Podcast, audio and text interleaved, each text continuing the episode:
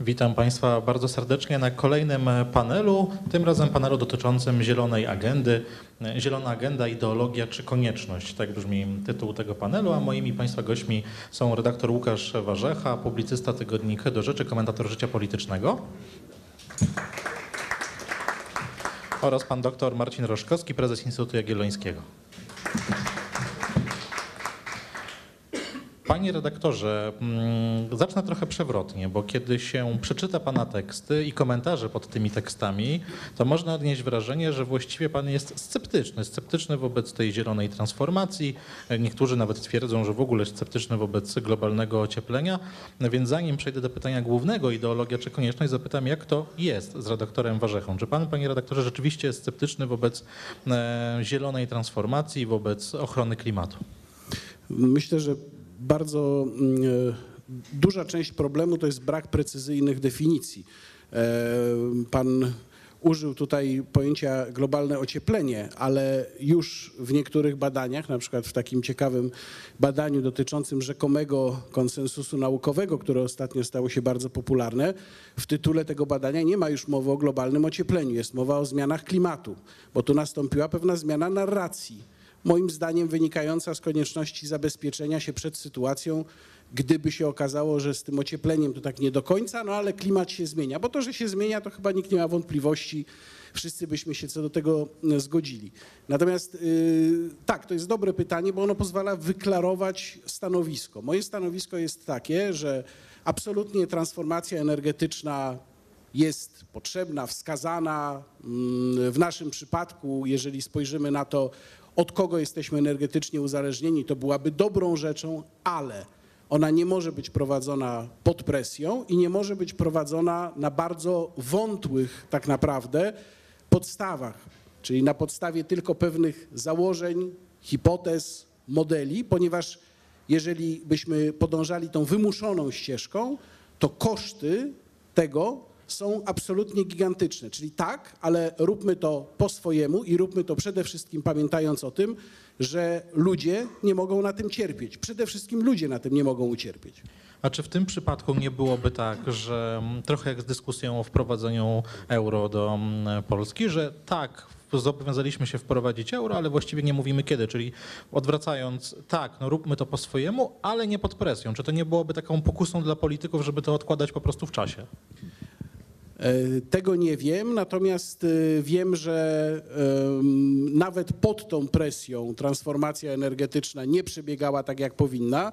Ja przypomnę tylko, ostatnio sobie sprawdziłem, nawet byłem trochę zaskoczony, że od 2010 roku istniała spółka PGE-EJ1 mająca zbudować elektrownię jądrową. Ona już w tej chwili nie istnieje, została wykupiona przez Skarb Państwa, no ale to znaczy, że Platforma Obywatelska nie budowała elektrowni jądrowej przez 5 lat, a obecna władza już przez 6 lat jej nie buduje.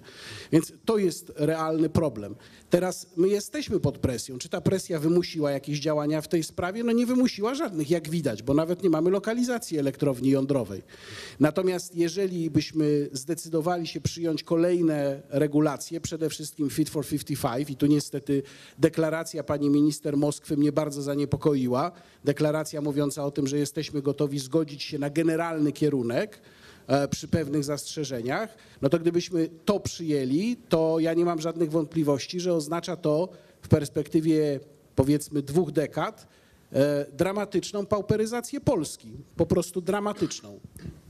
O Fit for 55 za chwilę. Panie prezesie, zacznijmy od wyklarowania pana stanowiska. Jak pan zapatruje się na temat naszej konferencji? Na ile to konieczność, na ile to ideologia, a na ile być może jedno i drugie? To może tak krótko, e, coś nas zabije albo CO2, albo ceny CO2, albo jedno i drugie. To zobaczymy. E, ja, ja bym, bo, bo, bo, tutaj nie jest tylko o energetyce, bo z Łukaszem e, już parę razy rozmawialiśmy, ale tu rozumiem też nie, nie jest tylko o energetyce. Ja bym chciał rozdzielić dwie rzeczy. Pierwsza jest taka, że mamy coś takiego jak obiektywnie po prostu postęp technologiczny. Ludzie uczą się różnych nowych rzeczy. Na przykład y, wygooglałem, i to nie jest prowokacja, bo, bo Łukasz z moim świętej pamięci szefem robił w 2010 roku y, y, wywiad. I nie wiem, czy pamiętasz, jaki telefon pan prezydent miał. Miał Nokia 3060. No i teraz nikt z nas takiej Nokii nie ma. Nie dlatego, że. A, kurczę. No to muszę wrócić. Ale nie, to nie jest Nokia 3060, jaką miał pan prezydent. Dobrze, ale właśnie chodziło mi o Nokia 3060. Dziękuję bardzo. E, Ale mamy postęp technologiczny. Pewnych rzeczy, do pewnych rzeczy nie będziemy wracać. Nie będziemy wracać do telefonów na korbkę, nie będziemy jeździć dorożkami, chyba że po Starym Mieście i tak dalej. Nawet tutaj jest LEDowe oświetlenie, które no jeszcze tam 15 lat temu świeciłyby się tutaj żarówki. Więc jest obiektywnie postęp technologiczny.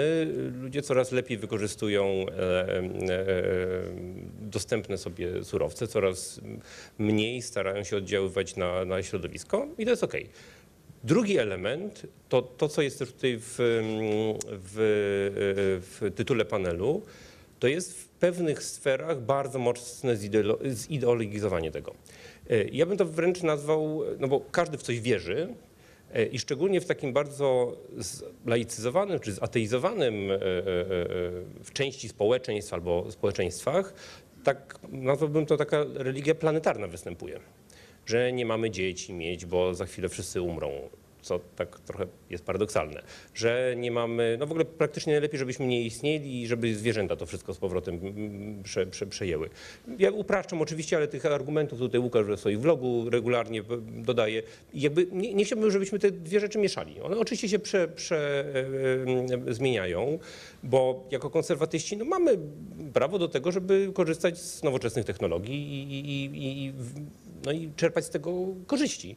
Natomiast duża część e, narracji jest porwana właśnie przez e, różne bardzo zideologizowane środowiska, które na końcu w takich skrajnych, w skrajnym podejściu po prostu tworzą religię planetarną, że nagle Matka Ziemia jest ważniejsza od czegokolwiek innego. No i to może właśnie to jest główny problem, bo myślę, No wszyscy i się, oczywiście to jest główny problem. Wszyscy się zgodzimy z tym, że postęp jest dobry, jeśli chodzi o kwestię tych technologii, że możemy rzeczywiście modernizować naszą gospodarkę. Redaktor Warzecha przed chwilą też mówił tak, ale róbmy to swoim tempem. Tymczasem z Unii Europejskiej, nawiązuje chociażby do Fit for 55, próbuje nam się narzucić pewne rozwiązania I właśnie, i to jest ta bardzo różnica... skrajne, bardzo I ideologiczne. to jest różnica między wchodzeniem do euro a em, polityką energetyczno-klimatyczną. Polityka energetyczno-klimatyczna, nawet nie mówię o Fi- Fit for 55, ale jest w polskim, e, jest w systemie europejskim od 2005 roku. Ona była wcześniej przygotowywana, ale od 2005-2006 roku te elementy wywierania nacisku na gospodarki, żeby się dekarbonizować, tam są. E, Tutaj na poprzednich konferencjach toczyliśmy spór, czy to jest bańka na tym e, ETS-ie, czyli na tym rynku, handlowa, gdzie handlowane, ob- obracane są emisje CO2, e, czy nie, nie ma bańki? Moim zdaniem nie ma bańki, bo to jest instrument polityczny. E, Unia z punktu 1 do punktu, znaczy 0 do punktu 1 do roku 2050 chce zdekarbonizować gospodarkę. Wszystkie te sankcje finansowe, czy te podatki od, e, od działalności człowieka, na przykład w wielkoskalowej energetyce, elektroenergetyce czy ciepłownictwie, powodują, żeby dać e, narzędzia do tego, żeby wyeliminować na przykład paliwa kopalne w ogóle z e, naszego e, funkcjonowania. Po to, żeby więcej gazów cieplarni- cieplarnianych nie było w atmosferze, żeby tam się nie napędzały różne procesy, to jakby nie, nie, nie o tym. Ale część tych elementów, o których tutaj e, rozmawiamy, jest maksymalnie zideologizowana i właśnie tworzona jest alternatywna po prostu religia. Jeżeli, jeżeli mogę dwa słowa, bo tutaj mam punkt zaczepienia do wskazania jednak chyba dosyć istotnego elementu tego całego procesu. Wspomniałeś, Marcinie, o oświetleniu LEDowym. Czy Państwo, bo teraz pewnie jak kupujemy żarówki, no to kupujemy żarówki LED, to jest dosyć oczywiste. Czy Państwo pamiętają, co było pomiędzy żarówkami LED a zwykłymi żarówkami, których Unia Europejska zakazała? Halogen. To nie, nie halogenki. To były świetlówki kompaktowe, tak. Świetlówki kompaktowe, które musiały wejść, ponieważ technologia LED była niedopracowana, a które z czasem okazały się bardzo szkodliwe dla środowiska, ponieważ przy ich produkcji wykorzystuje się rtęć, świeciły bardzo słabo, potrzebowały dużo czasu, żeby w pełni się rozświecić, nie nadawały się do wielokrotnego włączania i wyłączania. Jednym słowem, był to produkt całkowicie niedopracowany ale jego wejście na rynek zostało wymuszone odpowiednimi przepisami Unii Europejskiej. Czy państwo naprawdę sądzą, że nikt nie miał w tym żadnego interesu, że nikt na tym nie zarobił? No przecież to jest zupełnie... oczywiście nikt nie mówi, że to to jest po prostu też duży A, biznes. no, więc, no więc właśnie ten wątek chciałem wprowadzić, bo jeżeli na przykład dzisiaj słyszę liderów, którzy zachwycają się tym, że za chwilę wprowadzą w ramach Fit for 55 zakaz rejestracji nowych samochodów spalinowych w Unii Europejskiej i będą tylko samochody elektryczne, no ponieważ technologia wodorowa jeszcze jest w powijakach, no to samochody na baterie, to to jest dokładnie ten sam proces, z którym mieliśmy do czynienia w przypadku żarówek. Niedopracowana technologia, którą na siłę chce się wepchnąć na rynek za pomocą rozmaitych dotacji, kar i tak dalej, no bo przecież y, już dzisiaj to widzimy zresztą, kiedy tankujemy benzynę, to mamy nowy wprowadzony przez Prawo i Sprawiedliwość podatek opłatę emisyjną, 10 groszy na litrze benzyny, która miała służyć właśnie rozwojowi tych, tej, tej zielonej komunikacji, a tymczasem baterie do samochodów elektrycznych, no przecież z czegoś są też produkowane. E, Infrastruktura, to zaraz Marcin pewnie może o tym więcej powiedzieć, ma swoją wytrzymałość. Jeżeli byśmy mieli w tej chwili, tak jak pan premier zapowiadał na 2025 rok, kiedyś zapowiadał milion samochodów elektrycznych, to po prostu polska infrastruktura energetyczna tego nie wytrzyma. Tylko, że nikt się nad tym nie zastanawiał. No, e, to ktoś na tym chce zarobić i zarabia na tym wszystkim. Kolejny wątek, o którym moglibyśmy porozmawiać. Jeżeli zostaniemy zmuszeni do tego, żeby wprowadzić w błyskawicznym tempie zielone technologie e, energetyczne w Polsce, to kto na tym skorzysta? No przecież nie Polska, bo my nie mamy takich technologii. Poza produkcją akumulatorów nie mamy takich technologii. Nasz sąsiad ma, który będzie nam je bardzo chętnie sprzedawał. Czyli pytanie doprecyzowujące, czyli jak zawsze chodzi o pieniądze, bo gdyby trzymać się, gdyby się trzymać Nie restrykcyjnie tych propozycji, to właściwie można by było dojść do wniosku, że tak, przemysł, że przemysł, że lotnictwo jest złe, że transport morski jest zły, że w ogóle hodowla mięsa też jest zła i tak dalej, i tak dalej, i tak dalej. Na końcu nasuwa się pytanie, po co to wszystko? Znaczy, yy, bo kilka wątków zostało po- poruszonych. E, Te elementy ideologiczne, niektóre nawet ze słuszną, e, e, w dobrej wierze, niektóre w złej, zostały wprzęgnięte w biznes. I to teraz głównym elementem e, napędzającym transformację energetyczną, e, akurat na tej energetyce się znowu skupiliśmy, ale e, jest to, że biznes po prostu wymaga rozwiązań, które e, są inne niż te, które na przykład są w Polsce stosowane. E, Już ja- ja- jaki jest tego e, powód? Po prostu w społeczeństwach zachodnich, też w Polsce ten, ta zmiana e, świadomości nastąpiła, jest już przyzwolenie do tego, żeby tą, ten, tą, ten, ten, tą zmianę zrobić. E, I to tyle. I te, ponieważ to współdziała, to dlaczego ja nie będę rzecznikiem pani samozwańczym pani nowej minister, ale e, zarówno spółki Skarbu Państwa, jak i e, polski rząd tak naprawdę też już teraz nie ma dużego e, pola wyboru, bo żeby zbudować tą nową energetykę, to musi do, jakoś zorganizować finansowanie czy umożliwić strategie, które sfinansują cały ten proces. Są setki miliardów złotych, które będą przez następne 10-15 lat e, wydane. Jest jeszcze jeden problem. Przeciętny polityk ma kadencję tam, nie wiem, 4 lata, 6 lat, w zależności co robi pięć, jakiś tam, no wszystko jedno. Jak ma- dwa, dwa, dwie kadencje, to, to ma 10, to już jest bardzo doświadczony.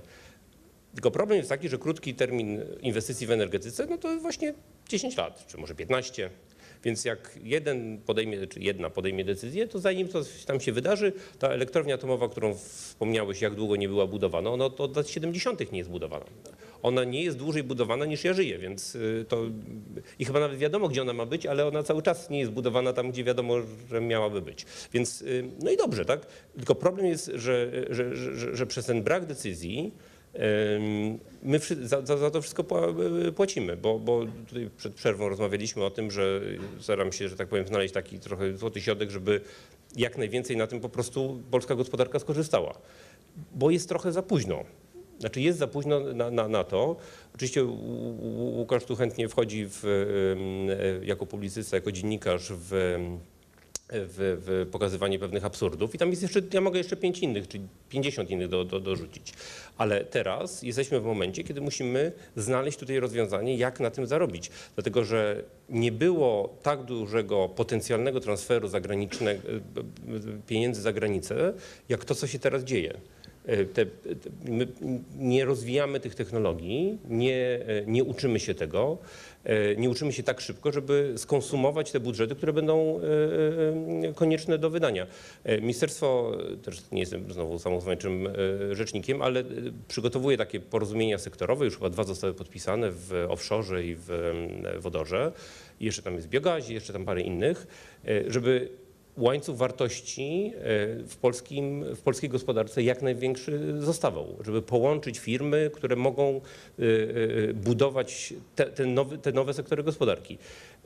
Innego rozwiązania dzisiaj nie ma, bo nawet jakbyśmy wyszli z Unii Europejskiej, czego na dzisiaj nie, nie, nie, nie postuluję, to nawet jakbyśmy wyszli z Unii Europejskiej, to jesteśmy tak mocno powiązani z gospodarkami naszych e, sąsiadów, że i tak byśmy tą transformację przeprowadzili. Więc jakby tutaj nie ma innego ruchu e, e, niż ucieczka do przodu. No. To panie prezesie, skoro nie ma innego ruchu pana zdaniem, to zapytam, w którym kierunku powinniśmy iść, krótko mówiąc, ponieważ tak, słyszymy z jednej strony, że węgiel jest zły i brudny, słyszymy albo usłyszymy za chwilę, że gaz jest zły i brudny, bo też próbuje się wyrugować gaz. Właściwie próbuje się nas wpychać w fotowoltaikę czy w farmy wiatrowe, a na koniec końców i tak przeczytamy w mediach, że e, wiatr za słabo wiał, słońce za słabo świeciło, to i tak trzeba wrócić do węgla. Czyli co, atom? No bo Niemcy bardzo ostro próbują atom również zwalczać. No właśnie, i tutaj pewnie dłu- dłu- długą dyskusję można by było zrobić, ale chyba dzisiaj nie mamy na to e, tyle czasu. Z węglem e, kamiennym problem jest taki, że my średnio przez ostatnie 30 lat wydobywamy rok do roku o 3% mniej węgla kamiennego i po prostu wy- wydobycie węgla kamiennego spada, jest on coraz droższy i mamy coraz większy problem. Zresztą nawet teraz jakiś jest, nie chcę tego wykorzystywać jako przerysowywać tego przykładu, ale akurat e, e, nawet są teraz problemy z polskim węglem w polskich elektrowniach. E, Węgiel brunatny to jest trochę inny przypadek, więc go może zostawię, bo on jest na miejscu spalany. Natomiast powiedziałeś o, o gazie. Cała ta transformacja, bo mówiliśmy o, o grze interesów. E, Zobaczcie, co się stało w Europie Zachodniej. Pewnie nie śledzicie na co dzień hurtowych cen energii. Ja akurat z różnych względów e, robię to. E, Hurtowa cena energii w Hiszpanii, a jeszcze wcześniej w Niemczech, była wyższa w Polsce, a w Hiszpanii cały czas jest, niż w, w Polsce. Dlaczego tak się stało? Mimo tego, że mamy więcej węgla w naszym miksie energetycznym, a oni mają więcej e, odnawialnych źródeł i tak dalej, mają, dosyć dużo gazu. I ten, e, ten surowiec, i a propos gier i pewnych niebezpieczeństw, e, w ostatnich dwóch, trzech miesiącach jego cena wzrosła 600, tak? Widzę pana prezesa z PGNiG-u, 600-700% na spocie w Europie Zachodniej. Ceny y, praktycznie wszystkiego y, poszły do góry, łącznie z tym, że niektóre firmy przestały nawozy produkować y, za granicą. Ten setup, w którym my jesteśmy, bez atomu, i teraz nawiążę do atomu, bez atomu, o, o, o który za chwilę opowiem, to jest taki miks gazowo-ozowy, czy odnawialny w okresie przejściowym. E, I teraz tylko w tym okresie przejściowym, na następne 10-15 lat, jesteśmy uzależnieni od rosyjskiego gazu w całej Europie. E, W, zużywamy w Europie około 400 miliardów metrów sześciennych. Jak będzie otwarty Nord Stream 2, będziemy w chyba połowie, tak? czy prawie połowie, znaczy ponad połowie. E, czyli takie zimy, jak teraz mamy z e, Gazpromem, będą nas czekać coraz częściej. I mimo tego, że prowadzimy w Polsce trochę inną politykę niż państwa regionu, to mamy problem, bo w wyniku polityki klimatycznej gazu będziemy potrzebować bardzo dużo. E, Jak otworzymy gazoport, budujemy Baltic Pipe, jeszcze trochę magazynów, wydobywać chyba się dużo więcej nie da. E, Budujemy drugi gazoport i tak będziemy potrzebować jeszcze parę miliardów metrów sześciennych gazu do naszych e, wewnętrznych potrzeb. I cała Europa, my trochę w mniejszym stopniu, ale uzależnia się od rosyjskiego gazu. A z rosyjskim gazem niestety, niestety idzie i szantaż, i wpływ polityczny, proliferacja różnych ich e, e, pomysłów.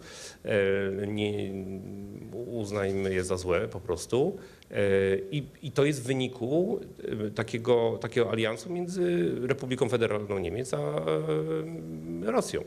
Jesteśmy na to uzależnieni następne 10 lat, niezależnie od tego, że zdywersyfikowaliśmy się w miarę pełnie, to będziemy gazu w Polsce więcej potrzebować i, i tak oni będą nam tutaj mieszać. I to jest niestety wynik też polityki energetyczno-klimatycznej. Już nie, nie mówię, co, czy CO2 nas zabije, czy ceny. Na, na dzisiaj te elementy gry e, e, wydatków, które musimy ponieść, e, e, wpływu Federacji Rosyjskiej i Niemiec, no niestety to nie, nie, nie wygląda dobrze. I teraz a propos atomu. Niemcy się deatomizują, czy nie wiem jak tam się to na, nazywa. E, No bo sobie policzyli, że po prostu mają większą wartość dodaną z tych e, z pozostałych e, sektorów elektroenergetyki, wiatru, słońca, jeszcze tam innych. Teraz wodorze też idą do przodu.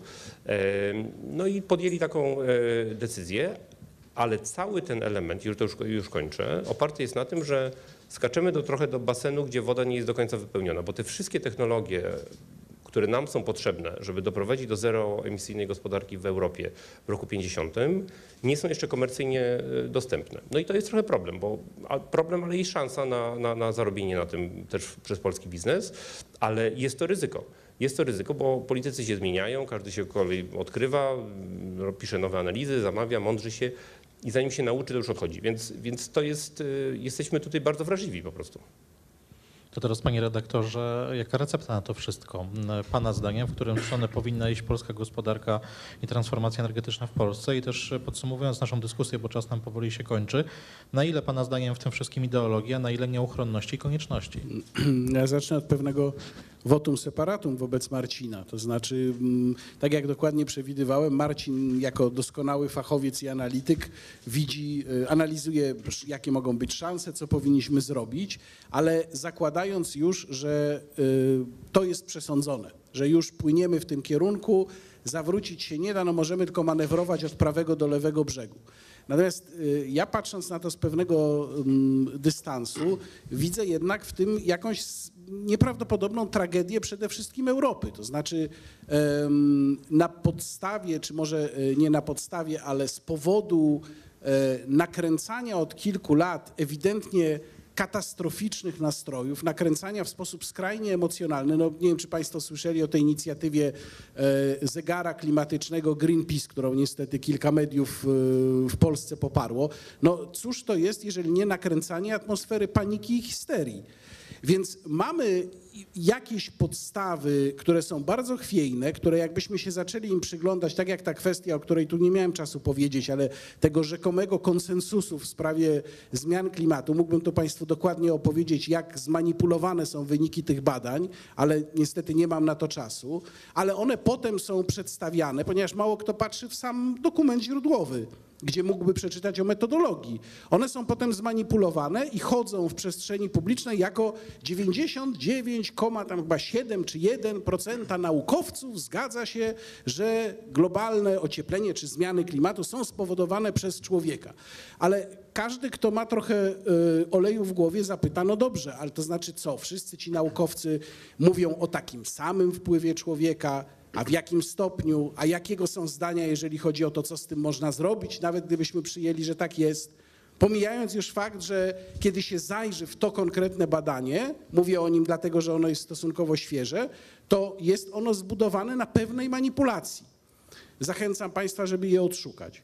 E, Więc y, ja jednak wracam do podstawy tego wszystkiego i uważam, że ta podstawa jest bardzo chwiejna. Mówiąc już bardzo prosto, umownie i skrótowo, mamy bardzo wątłe podstawy, na których zbudowano całą, cały gmach politycznej presji i presji medialnej e, z takimi projektami między innymi jak Greta Thunberg e, i na tej podstawie każe się nam zapłacić no już nawet nie setki miliardów, biliony euro za coś, właściwie nie do końca wiadomo, czy to w ogóle jakikolwiek skutek odniesie. Proszę zobaczyć, że nigdzie nie pojawiły się żadne analizy pokazujące, jaki konkretnie wpływ będą miały, będzie miało na przykład Fit for 55 na e, kwestie, na, na sam klimat. Nie ma takiej analizy, która by mówiła, dobrze, zrobimy to i to, to wtedy tu i tu, nie wiem, no, zatrzyma się na tym poziomie e, ocean, nie będzie się dalej podnosił. Nie ma czegoś takiego, bo nie może być. Bo nikt się tym nie zajmuje, bo nikt tego nie przeanalizował. Taka analiza moim zdaniem w ogóle jest niemożliwa do zrobienia. Jeżeli mówi się nam, że z powodów klimatycznych, tam chyba do tej pory, nie wiem, 40 milionów ludzi emigrowało czy coś takiego, to przecież to jest kolejna manipulacja. Można zapytać, dobrze, ale czy oni na pewno migrowali z tego powodu, sprawdzić warunki polityczne w tych miejscach, gdzie ci ludzie migrowali, sprawdzić, czy zmiany klimatu, które tam zaszły, są faktycznie tak wyjątkowe, a może do podobnych dochodziło w przeszłości. Jak się poskrobie tego typu przekazy medialne i wniknie się w nie głębiej, to się okazuje, że większość się e, opiera na bardzo chwiejnych podstawach. I teraz my właśnie na tej podstawie, na tych podstawach, na, tych ba- na tej bazie mamy wyłożyć z naszych kieszeni, no bo przecież wiadomo, że to są nasze pieniądze, mamy wyłożyć te biliony euro. No więc ja uważam, że szanując postawę Marcina, która być może, no, znaczy na pewno ma sens, bo, bo to jest też potrzebne, żeby wiedzieć, co można z tym zrobić, ale ja uważam, że trzeba odważnie wrócić do podstawy i zacząć ją kwestionować, tę podstawę, na której to wszystko jest zbudowane. I co Pana zdaniem to ostatecznie przyniosło, biorąc pod uwagę też uwarunkowania polityczne, w których jesteśmy, w których żyjemy, gdzie próbuje nam się narzucić ten koncept, nawet przyjmując ten punkt widzenia, gdyby Polska powiedzmy, trzeba kwestionować te e, podstawy, jak Pan redaktor mówi, co Pana zdaniem mogłoby to ostatecznie przynieść? No, podstawowa kwestia to jest, ja już o tym y, wspomniałem wcześniej, jeżeli mamy coś tak, tak szaleńczego jak Fit for 55, to ja nie widzę powodu, dla którego Polska miałaby to w ogóle akceptować co do kierunku, czy w jakimkolwiek stopniu. To jest po prostu program do natychmiastowego odrzucenia. On nie może być żadną kartą przetargową w jakiejkolwiek politycznej grze, ponieważ on jest zbyt radykalny. To jest pierwsza i podstawowa sprawa. Transformacja energetyczna jak najbardziej z powodów strategicznych. Tak, to jest nam potrzebne. Ale nie dlatego, że pan Timmermans chce sobie zrobić e, pozycję polityczną na ochronie klimatu. To jeszcze na koniec puenta Pan Prezes. To ja mo, może powiem pragmatycznie albo cynicznie, nie wiem jak to ocenisz, yy, czy ocenicie Państwo. Yy, ja tu trochę jako profesorowicz występuję, bo nie mam tych wszystkich tytułów, tylko tutaj ta, tak emanuje to, co tata pewnie mówił yy, w pierwszej części yy, konferencji. Yy, Ale to jest trochę jak w, w tym 45, że byliśmy zwycię- prze, przegranymi w obozie zwycięzców. Tylko wtedy dużo się nie dało zrobić. Teraz to, co ja widzę, co można zrobić, to spróbować i na tym po prostu zarobić i zbudować nowe sektory gospodarki, dlatego że niezależnie czy jesteśmy w Unii, czy nie jesteśmy w Unii, czy nam się to podoba, czy nie podoba, to jest trochę tak. Ja byłem na, w Radzie Europejskiej świętej pamięci prezydentem właśnie w 2005 roku, kiedy to było i te, nasi politycy mówią dokładnie to samo od 15 lat. I ta dyskusja, załóżmy, że jest słuszna, to powinna się odbyć 15 lat temu. Teraz, na dzisiaj, tutaj nie ma, nie, nie ma ruchu. Y, I jeżeli nie wykonamy ruchu, y, y, kroku do przodu i nie, nie mówię o Fit for 55, bo to jest jeszcze nie wszystko zamknięte i tutaj w niektórych rzeczach się z, z, z sobą zgodzę, ale w tym, co już mamy w polskim prawie, jeżeli się nie, nie zaczniemy transformować, dostosowywać, to nasza gospodarka dzisiaj jest najbardziej emisyjną z tych dużych gospodarek w, w Unii Europejskiej na 1 MWh nasz przemysł będzie tracił konkurencyjność, będziemy mieli gigantyczne problemy na wielu płaszczyznach. E, Ja po prostu nie wierzę w to, że dzisiaj taką szarżą jesteśmy w stanie coś zmienić, bo ta dyskusja odbywała się 15 lat temu i to jest trochę po kolei naszych e, rodziców. Ja wiem, że to e, ja może trochę z innej perspektywy występuję, no bo ja na co dzień w tym e, siedzę, rozmawiam i z zielonymi, i nie z zielonymi, i ze związkami zawodowymi, górniczymi i tak dalej, więc ale ja już po prostu nie widzę tutaj dużo ruchu, oprócz tego, żeby słuchajcie, teraz trzeba znaleźć sposób, jak na tym zarobić. Wymyślić, nie wiem, uszczelki do e, elektrolizerów, robić wodór inny sposób niż robili to Siemens, albo jeszcze 50 innych rzeczy, a może takie, które nie, nie są wymyślone. E, dlatego, że jest tutaj przestrzeń, ona jest bardzo trudna, jest bardzo duża konkurencja, bo u nas tych dyskusji jest masa, że może jednak nie, a może coś, albo inaczej, e, tylko tego czasu już nie ma i na, za chwilę będziemy, e, energia elektryczna nie będzie po 500 zł, tylko będzie po 700 zł na, e, na spocie, na towarowej giełdzie energii i to wszystkich nas będzie strasznie mocno dotykało jest już po prostu na, to, na, na tą dyskusję za późno. Oczywiście w, ja jestem w stanie też 50 absurdów zrobić, tak? bo jak się zastanowicie Państwo nad tym, to żadna e, działalność człowieka nie jest bezemisyjna, bo nawet jak nie ma, nie wiem, pyłów czy CO2, to się wydziela ciepło. Zawsze jest jakaś emisja. Więc cała, cała, cała, e, cała lingwistyczna i, i frazologiczna e, płaszczyzna też jest zmieniona. E, ale jest już po prostu na to y, za późno. To nie było coś, co się wydarzyło dzisiaj, bo jest pan premier Morawiecki i pan premier Morawiecki nie mógł zrobić y, inaczej. To jest proces, w którym bierzemy udział od 15 lat. No I niestety. tu musimy postawić kropkę, bo czas niestety nam się zakończył, choć dyskusja zażarta, gorąca y, i myślę bardzo ciekawa. Y, Moimi Państwa gośćmi redaktor Łukasz Warzecha, publicysta Tygodnik do Rzeczy I Marcin Roszkowski, prezes Instytutu Jagiellońskiego. Ja nazywam się Karol Gacy, miałem przyjemność moderować dla Państwa dyskusję, dyskusję zatytułowaną Zielona Agenda, Ideologia czy Konieczność.